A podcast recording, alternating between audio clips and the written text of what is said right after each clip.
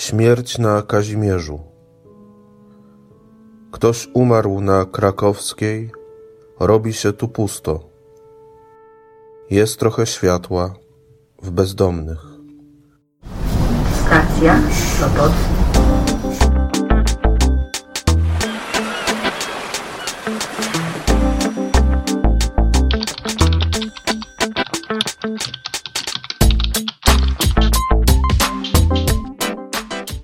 Dzień dobry. Dobry wieczór, gdziekolwiek i kiedykolwiek zechcielibyście mnie słuchać. Przed mikrofonem nad polskim morzem w 32 odcinku Nadmorza wita wszystkich Piotr Wiktor Lorkowski. Dziś chciałbym powiedzieć kilka słów o zbiorze poetyckim Piotra Lamprechta Pudełko. Przy czym od razu muszę się Wam przyznać do pewnego dylematu, który przeżywam, omawiając wiersze tak lakoniczne jak ostatnie teksty Lamprechta. No, na pewnym etapie recenzowania właśnie takich minimalistycznych utworów dopada mnie obawa, że moje omówienie będzie mieściło w sobie więcej słów niż recenzowany tomik. No bo powiedzcie, czy się godzi rozgadywać nad poezją, która y, ze swojej istoty jest samą zwięzłością? W takich wypadkach recenzenta może tłumaczyć tylko chęć pilnego zdania sprawy z lektury, takiego bardzo szczegółowego zdawania sprawy.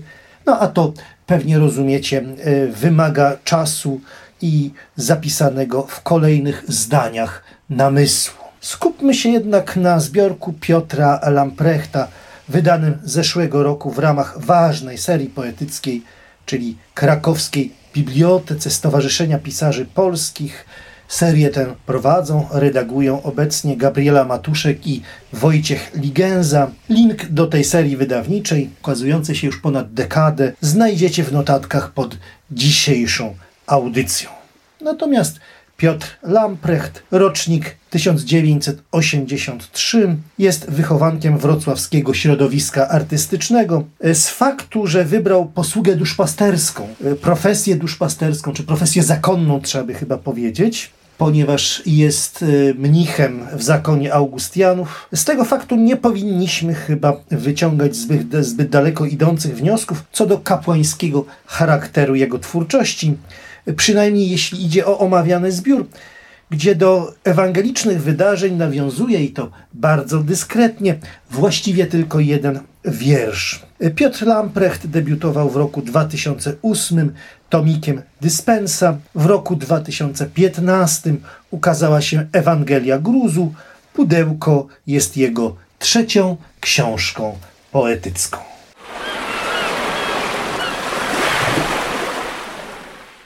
Piotr Lamprecht należy do grupy poetów małomównych, dosyć licznej, ale przede wszystkim zacnej, jeśli idzie o jej skład, o nazwiska, które przecież z taką poetyką są związane. Gdzieś tam na początku zobaczylibyśmy Ryszarda Krynickiego, potem należałoby chyba wymienić Jakuba Ekiera, autora tomu, no znakomitego, wydanego gdzieś tam mniej więcej 30 lat temu. Ten tom był zatytułowany Cały czas.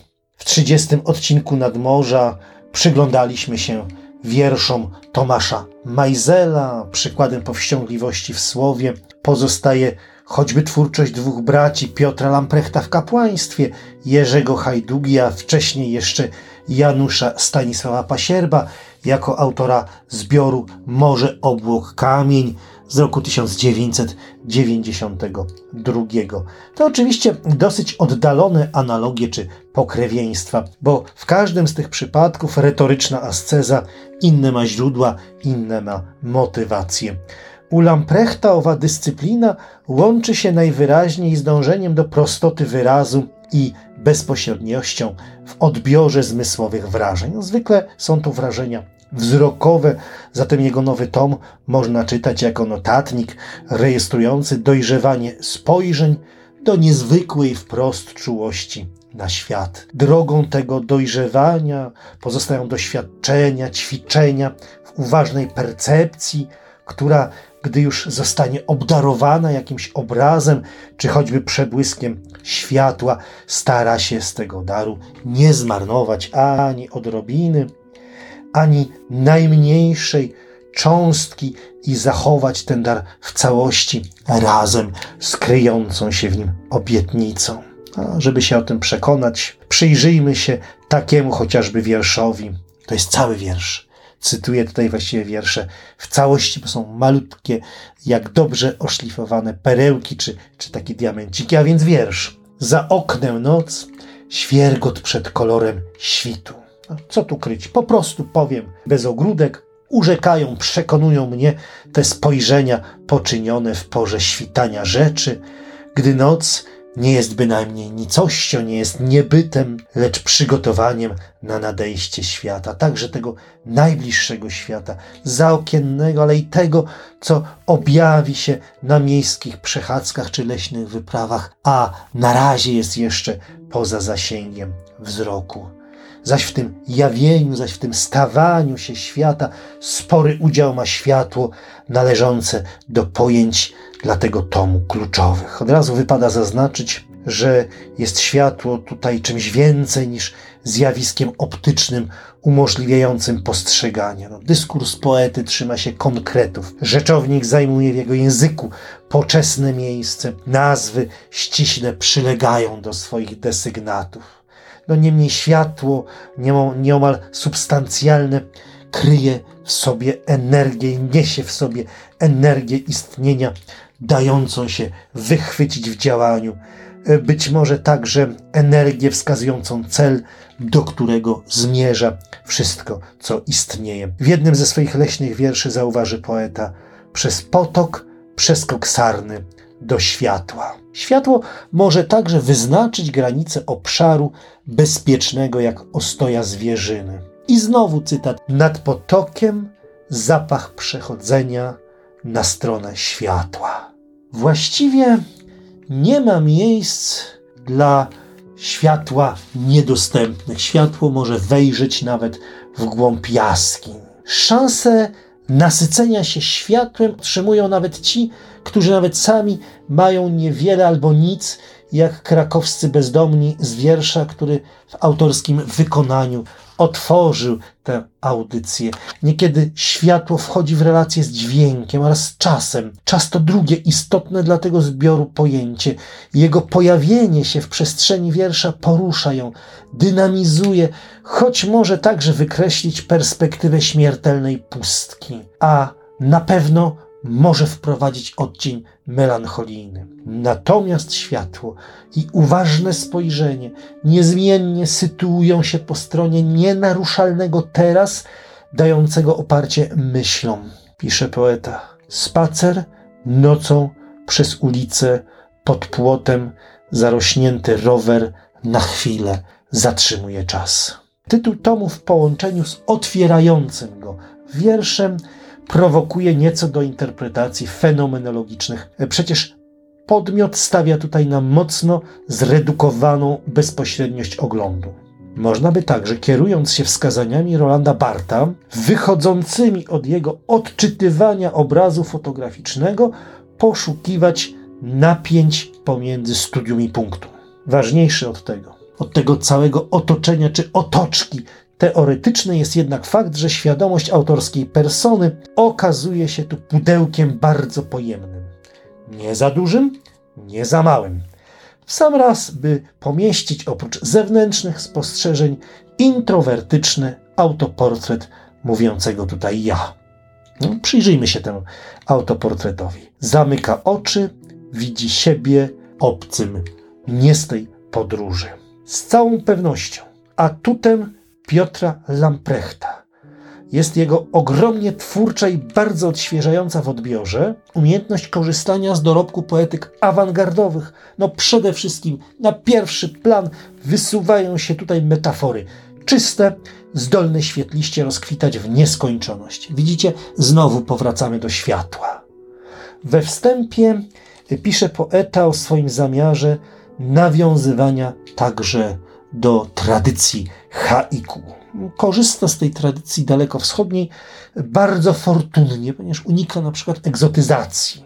Ale wydaje się, że zamiast towarzyszyć mistrzowi Basio, przykładowo w jego wyprawie do Sarasziny, zabrałby go raczej na wędrówkę po śląskich lub podkrakowskich lasach z dużym, jak sądzę, pożytkiem dla czytelników poezji.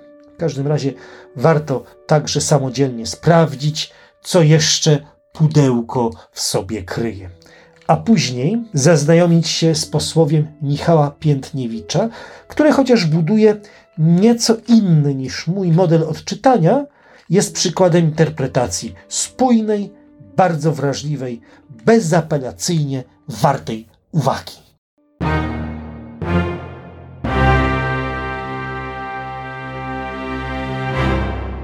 Już myślałem, że dzisiejszy podcast będę kończył tak jak ten sprzed dwóch tygodni, kiedy powiedziałem, że wciąż czekam na nowe książki wręczone i nadesłane.